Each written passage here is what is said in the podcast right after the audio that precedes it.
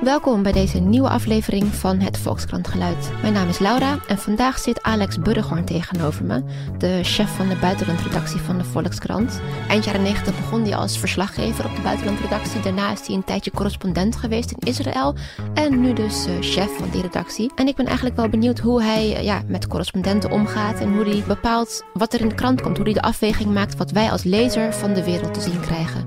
Nou, genoeg om over te praten dus, maar we gaan natuurlijk zoals altijd even luisteren naar het geluid dat hij heeft uitgekozen.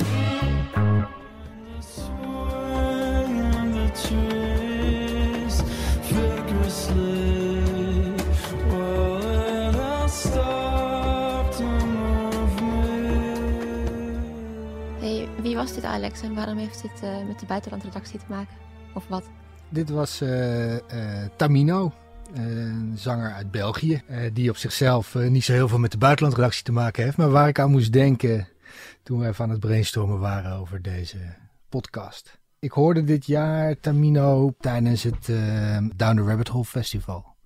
Een beetje per toeval, nog nooit, nog nooit van hem gehoord. Nee, ik ook niet. Ik heb hem echt ontdekt dankzij jou. Dankjewel, prachtig. Nou, uh, graag gedaan. Uh, en uh, het is een uh, jonge, jonge gast. 22, uit Antwerpen. Een Belgische moeder en een Egyptische vader. En dat hoor je terug in die muziek. Hè? Je hoort mm -hmm. westerse zang en Arabische begeleiding. Niet op alle nummers even helder, maar dit is een heel goed voorbeeld daarvan. En toen ik dat hoorde in, het was aan het begin van de zomer. Nou, dat, dat, dat concert me, kreeg me goed te pakken. En een van de redenen daarvoor, dat was ook deze mengeling. Nou ja, wat heeft het met de buitenlandredactie te maken? Ik werk op de buitenlandredactie. En het deed mij eigenlijk terugdenken aan ja, toen ik bij de buitenlandredactie ooit begon. Als dat journalist. was in, als journalist, dat was in, uh, in uh, 2001. Toen begon ik daar eigenlijk met een soort wereldbeeld van waarbij, nou ja, heel erg door de jaren negentig gevoed wereldbeeld denk ik, waarbij iedereen steeds dichter bij elkaar zou kruipen. Optimistisch. Waren, een nou ja, zeker optimistisch beeld waarbij hè, een term als de Global Village, uh, daar ging het heel erg over, hoor je het tegenwoordig niet zoveel meer over, maar uh, en in de muziek ging het heel veel over crossover muziek. Muziek waarin verschillende stijlen van verschillende delen van de wereld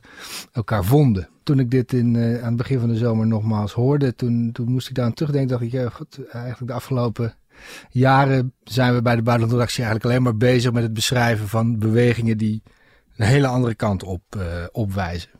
Het lijkt een soort tegenovergestelde wereld te zijn. Ja, en toen dacht ik, maar tegelijkertijd is Tamino er dus ook. Uh, dus eigenlijk deed dat optreden, nou ja, riep een soort vragen die wij vaak, die we vaak hebben. Van, kijken we naar de goede dingen? De, we moeten heel vaak afwegingen maken. Ik bedoel, de wereld is verschrikkelijk groot. Daar kunnen we maar een, een, een promiel nog minder van verslaan. Kijk je naar de goede dingen en, en geef je, heb je een juiste balans tussen de verschillende ontwikkelingen die er zijn. Nou ja, deze, dit deed mij denken aan, aan, aan uh, dat uh, er misschien ook nog steeds wel ook een beweging is van mensen die misschien best wel nog steeds open, openstaan en nastreven dat de wereld een beetje dichter bij elkaar komt. Was je voor iemand toen je begon als journalist? Hoe stond je in, hoe zag je de wereld? Omdat je het hebt over zeg maar, een veranderend wereldbeeld van jezelf of van de wereld? Nou, nee, ik denk dat dat heel erg voortkwam uit ja, wat, zeg maar, hoe ik in de, zeg maar, vanaf het moment dat ik ging studeren, wat er in het wereldnieuws gebeurde, wat mij en velen volgens mij uh, het idee gaf, uh, zeg maar het, het, het, altijd hetzelfde optelsommetje van uh, val van de muur, val van de apartheid. En misschien wel vrede tussen Israël en Palestina met het Oslo-akkoord. Hè, die hele eerste mm. jaren negentig, die het allemaal gebeurtenissen waren die je de indruk gaven van hé. Hey, Gaat goed. Gaat uiteindelijk komt het goed. En toen? Uiteindelijk komt ja, het goed. Maar wat dat, gebeurde dat er gebeurt toen? Niet, het gebeurt niet in één keer, maar ik weet niet wat er toen gebeurde. Kijk, het enige wat ik weet is dat, uh, dat uh, toen ik net op de buitenlandactie werkte, de uh, 11 september was. En dat wel, ik weet nog wel dat ik toen met een aantal collega's erover had van een soort groot gevoel van teleurstelling uh, was. Over van ja, god, jezus, dit... De beloftes waren er en dan krijg je dit. Of, dit, dit geeft de boel zo'n andere, andere, zo'n andere richting.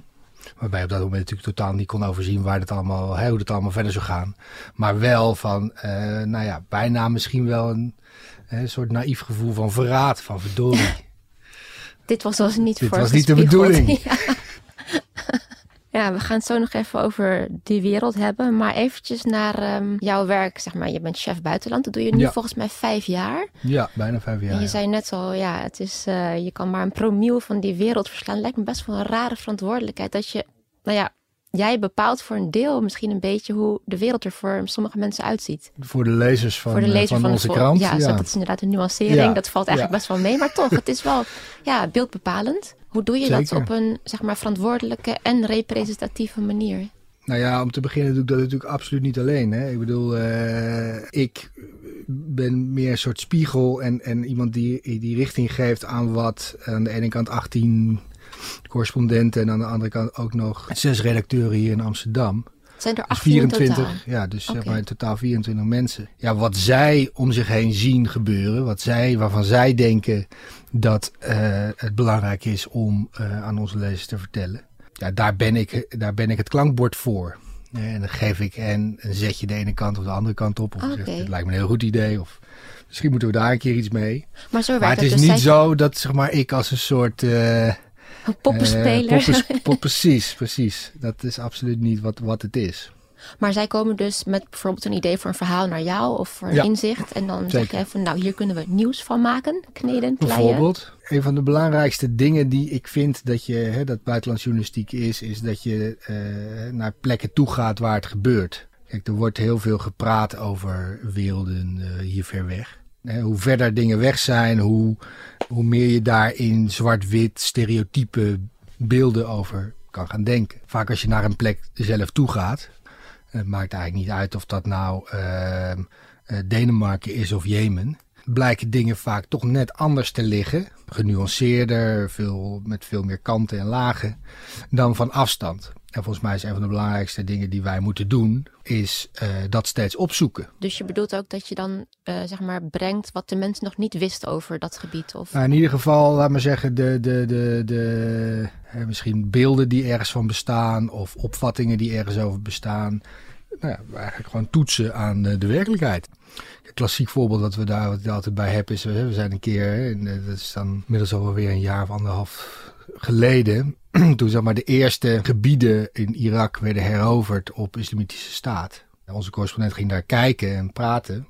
En mensen waren daar helemaal niet per se blij mee. Niet zozeer omdat ze dan de Islamitische Staat zo'n fantastische organisatie vonden.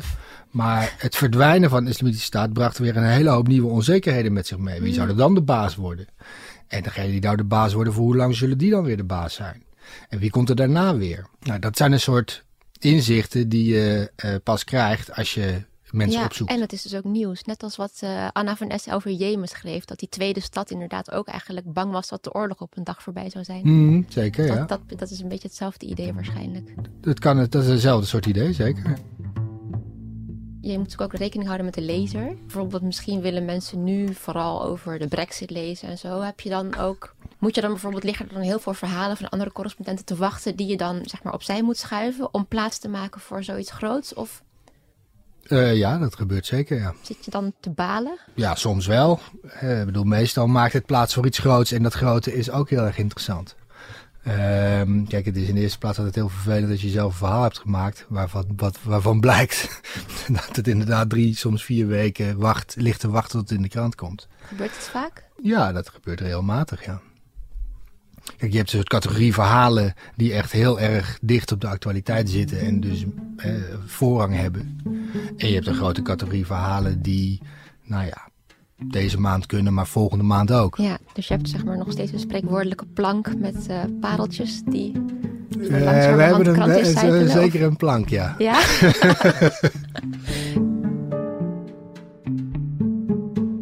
Wat doe je eigenlijk de hele dag? Zeg er even praktisch. Hoe ziet je dag eruit? Nou ja, kijk, bedoel, neem vandaag, de krant van vandaag, het is vandaag eh, dinsdag, openden we de krant met een verhaal uit eh, Hongarije.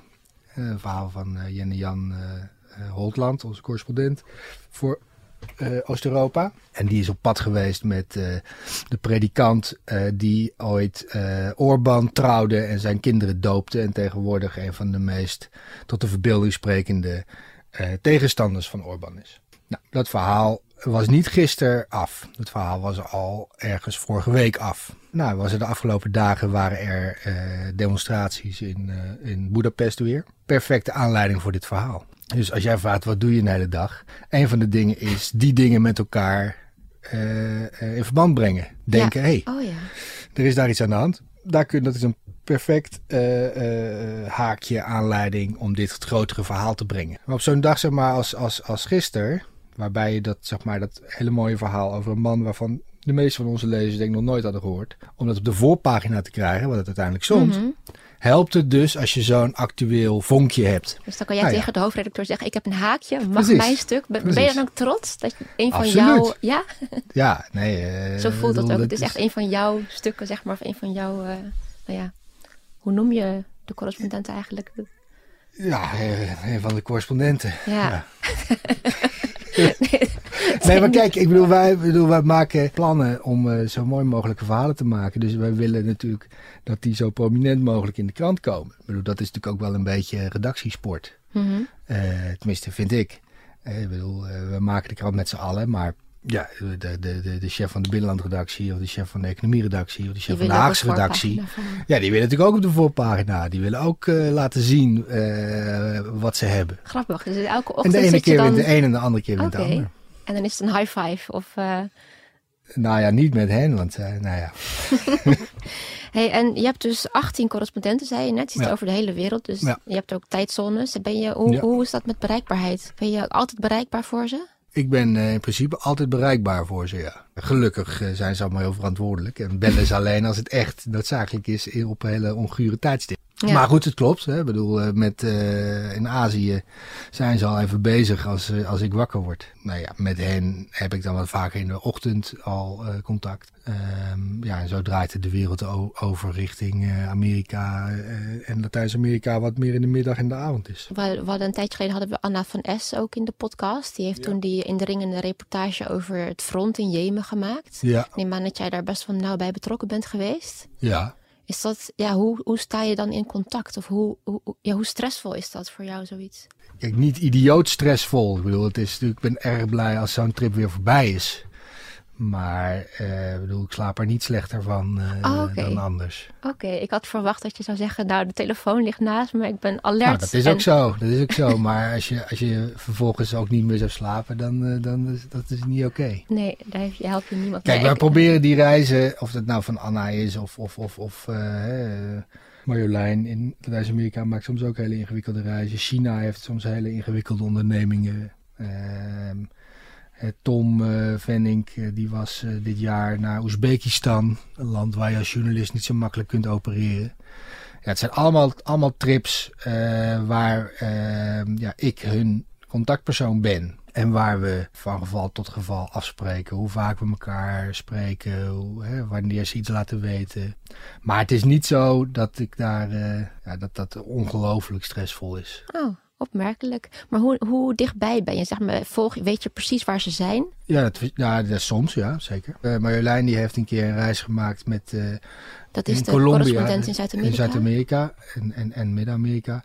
Maar dit was in Colombia waar een vredesakkoord werd getekend. En daarna trokken de rebellen van de FARC, de grote rebellenorganisatie daar, die trokken uit de jungle, uit de bergen, naar plekken waar ze hun wapens zouden gaan inleveren. En zij is toen een keer meegeweest met zo'n eenheid. En dat speelt zich af in een gebied in um, uh, Colombia, waar om te beginnen verder geen mobiele dekking natuurlijk is.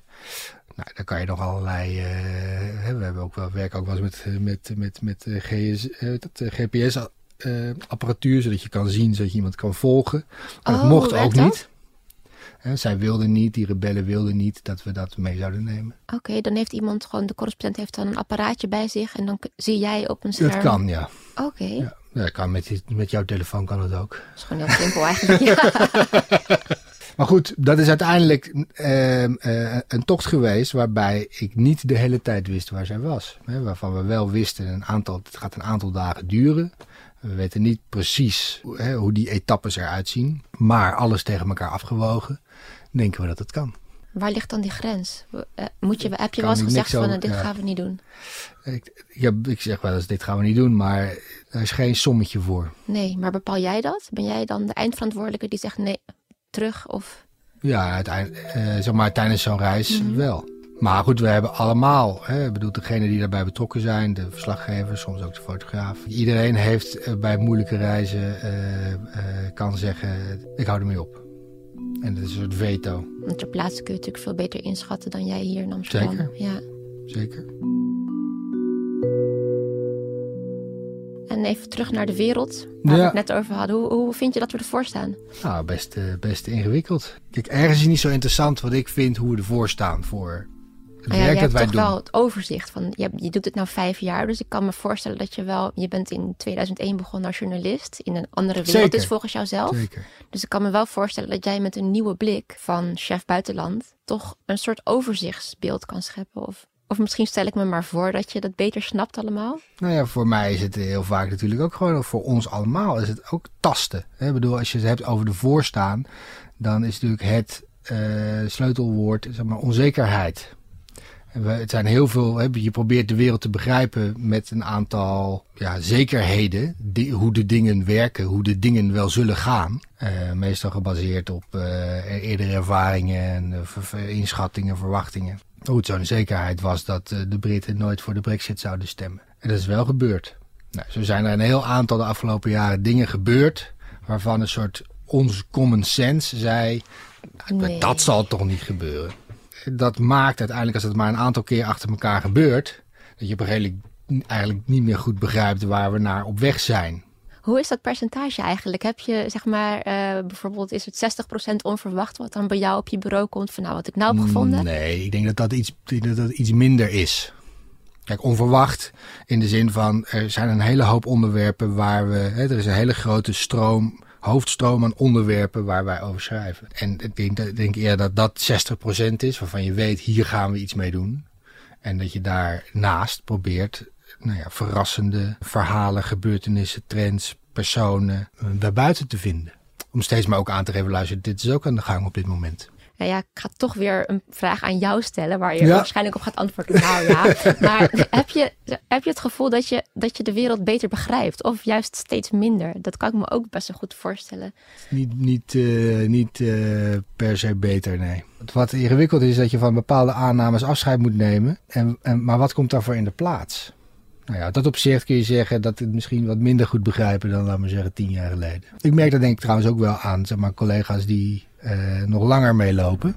Uh, veel langer. En die soms ook, hè, waarmee ik praat hè, over wat bepaalde gebeurtenissen of besluiten betekenen. En die zelfs ook vragen van, ja god, ik begrijp, begrijp er eigenlijk ook helemaal niks meer van. Ja, uiteindelijk is het een grote chaos buiten. Dus de wereld wordt steeds grilliger. Nou ja, misschien is hij dat altijd geweest. Ik denk niet zozeer, kijk, ik geloof eerlijk gezegd niet zozeer dat de wereld grilliger misschien wordt. Uh, je, je, had patronen, ik bedoel, de, de hele periode na de Koude uh, na de Tweede Wereldoorlog had je de Koude Oorlog, had je een patroon waarin je alles kon passen wat je maar wilde. Terecht of onterecht. Maar je had iets. En dat patroon is nu veel minder duidelijk. Anders dan dat je een patroon nu krijgt van luister, er zijn uh, vier, vijf, ieder jaar meer sterke leiders die een beetje doen waar ze zin in hebben. En dat maar is dan natuurlijk is de een soort toch beeld. grilliger? Nou ja dat, ja, dat weet ik niet, dat durf ik niet te zeggen. Wat, uh, wat is zo mooi aan jouw baan? Waarom doe je dit? Omdat het ontzettend leuk is om een krant te maken. dat is het korte antwoord. Ja, dat is, ja, maar dat is het. Dat is het. Het is ontzettend leuk om een krant te maken en om, uh, om, uh, om het nieuws te verslaan, om uh, in de buurt te zijn van de geschiedenis. Ja, want je bent zelf ook correspondent geweest, toch? Ja. In Israël? Ja. ja. En is het nu, mis je dat wel eens nu je hier op de redactie zit? Ja, tuurlijk. Maar niet, niet op een soort smachtende manier. Uh, ik ben vijf jaar correspondent geweest uh, in Jeruzalem. Het was ongelooflijk, maar het was na vijf jaar ook mooi. Dus ik ben daar nooit vertrokken met het idee, had ik hier nog maar veel langer kunnen blijven. Dus wat dat betreft is het niet iets, ja, is het daarna nooit iets geweest van god, uh, was dat nog maar, zat ik daar nog maar. Maar het bestaan van correspondent is natuurlijk heel mooi daarom zeg ik, het is ontzettend leuk om een krant te maken. Ook, ook wat ik hier doe, hè, waar we het er straks over hadden, zo'n verhaal uit Hongarije op een mooie manier die krant in krijgen. Zodat nou ja, dat werk waar wij ons enorm voor inzetten, dat het ook op een mooie manier overkomt. Ja, dat is ook fantastisch. En wat heeft je het meest verrast? Het meest verrast, uh, er is niet volgens mij één, ja, dat, ik, ik, ik kan niet zo goed in dat soort uh, competities zeg maar denken. Nou, maar wat ik wel, wat, wat de afgelopen jaren natuurlijk er zijn een hele hoop verrassingen over elkaar heen gebuiteld of je het nou, ik bedoel, uh, Brexit en Trump zijn de klassiekers. Maar dat het mogelijk was om een kalifaat te stichten. Uh, dat de Russen de Krim zouden annexeren. Uh, dat er verschrikkelijke aanslagen in Parijs zouden zijn. Dat de AFD, rechtse partij, in de, in de Bondsdag zou komen. dat ebola twee landen zou lamleggen. Allemaal dingen die de afgelopen vijf jaar zijn gebeurd. Nou, die allemaal verrassend waren. En ik kan niet zo, ik vind zeg maar meer de op, hè, in mijn ervaring van, hè, van, van, van het werk is meer uh, uh, dat er zoveel over elkaar heen buitelde verrassend. Dan dat ik nou één ding kan aanwijzen. je hebt bijvoorbeeld ook nog 2015 de, hè, de vluchtelingenzomer gehad. Het is eigenlijk meer zo dat ik denk dit jaar dat, we, dat, we, dat, je, dat je niet hele grote nieuwe. En daarom is het eigenlijk een beetje een raar jaar. Niet hele grote nieuwe van dat soort shocks geweest. Nee, het is meer die, die opeenvolging. En die denken ook heel veel mensen die het nieuws volgen. Uh, waarschijnlijk ook herkennen. Dat is voor mij niet heel veel anders als voor iemand die het nieuws volgt. Dus voor mij als journalist is die, op, ja, is die opeenstapeling is ook overweldigend. Ja, maar toch, jij zit wel op een andere plek dan de lezer, vind ik. Zeker. Uh, op een bepaalde manier wel. Namelijk iets, iets, iets eerder. Ja. ja, jij zit wel aan de poort. Ja, maar goed, tussen de poort en, en, en, en lezers ligt natuurlijk zeker hè, de afgelopen vijf jaar uh, met, met de hele social media, live verslaggeving. Zit natuurlijk niet zo heel mhm. veel meer. Nou ja, god, dat verhaal over die priester in Hongarije, ja, dat, dat, dat kom je niet via je eigen kanalen te weten. Dus dat soort dingen, dat is wel jouw. Maar dat zijn niet, zeg maar, dat zijn niet het soort verrassingen wat ik, waar we het nu over hebben. Ja, zeg maar, die, ja, dat zijn, heeft een heel andere dynamiek. Een correspondent in Duitsland, Sterre Lindhout, die maakte een verhaal eerder dit jaar over een huisarts in het uh, oosten van Duitsland. In een gebied waar aan de ene kant een groot huisartsentekort is. Uh, een, een, een, gebied van Duitsland dat, uh, dat, dat leegloopt. Een gebied van Duitsland dat ook verhoudingsgewijs heel veel op de AFD stemt. En zij vond daar een huisarts die als een soort laatste der Mohikanen daar zijn uh, praktijk voortzet. En dat blijkt een Duitser van Libanese afkomst te zijn. Dus die had een ongelooflijk gelaagd verhaal. Aan de ene kant als arts, zeg maar als arts. En zien hoe de gezondheidszorg in Duitsland afkalft. En aan de andere kant Libanees, te midden van mensen die op uh, ultrarechts stemmen. En dan weet je gelijk bingo, dit verhaal. Ja, dat is fantastisch. Ja. Omdat dat zoveel, dat, is, dat laat zien hoe complex het is. Nou ja, en de, de, moeilijkheid is, is zeg maar, je wilt een heel complex verhaal vertellen, maar het moet niet een complex verhaal worden. Het moet een beetje leuk om te lezen zijn. Je moet het ook nog wel kunnen uitlezen. Ja. maar dat is dus, zeg maar, dus, zeg maar als je zeg maar dat, hè, de verrassingen, uh, er zijn soort van twee soorten verrassingen. Verrassingen uit het nieuws, van uh, mijn hemel kan dit gebeuren. En de verrassingen van hey wauw, mm een geweldig verhaal hebben we opgeduikeld, nog nooit van gehoord. ja, dat zijn meer inzicht of invalshoeken. Ja. En uh, ja, dus de vraag waarvan je wist dat die ging komen komend jaar. Heb je daar een beetje zicht op? Verwa wat verwacht je ervan? Uh, nou ja, komend jaar wordt helemaal, staat helemaal in het in Europa natuurlijk in ieder geval in het teken van de brexit. En daarna meteen van de Europese verkiezingen. De brexit is eind maart hoe die ook afloopt. En de afloop daarvan zal voor een deel ook weer de, de, de verkiezingscampagne daarna gaan bepalen. Mhm. Kijk, als, dat een, als het uiteindelijk toch uitloopt op een harde brexit, waar de kansen dan de laatste weken weer groter voor lijken te worden, ja, dan zal dat zijn weerslag ook wel hebben. Dus jouw pagina's zijn eigenlijk al geclaimd voor de komende maanden? Altijd. Hoeveel heb je er eigenlijk? Ik heb geen pagina's. Oh. Oh. Nee, het is heel goed dat je dat niet opvalt. Er waren vroeger buitenlandpagina's in de krant. Ehm, ik was er groot voorstander van dat die zouden verdwijnen, omdat ik de buitenlandpagina's in een krant een soort reservaat vond voor het buitenlandse nieuws. Lelijk gezegd. Oh. Ehm, en het idee heb dat het buitenlandse nieuws, ja, zeg maar niet een categorie is naast het binnenlandse nieuws. Heel veel buitenlands nieuws heeft zo'n directe invloed op ons leven. Dat ik uh, voorstander van was om die dingen met elkaar te mengen. Het is gewoon ons nieuws. En dat doen we. En volgens mij met heel veel uh, succes. Maar kijk maar, ik bedoel, hè, wat, of je het nou hebt over, over, over brexit, over migratie, over terrorisme, over Rusland.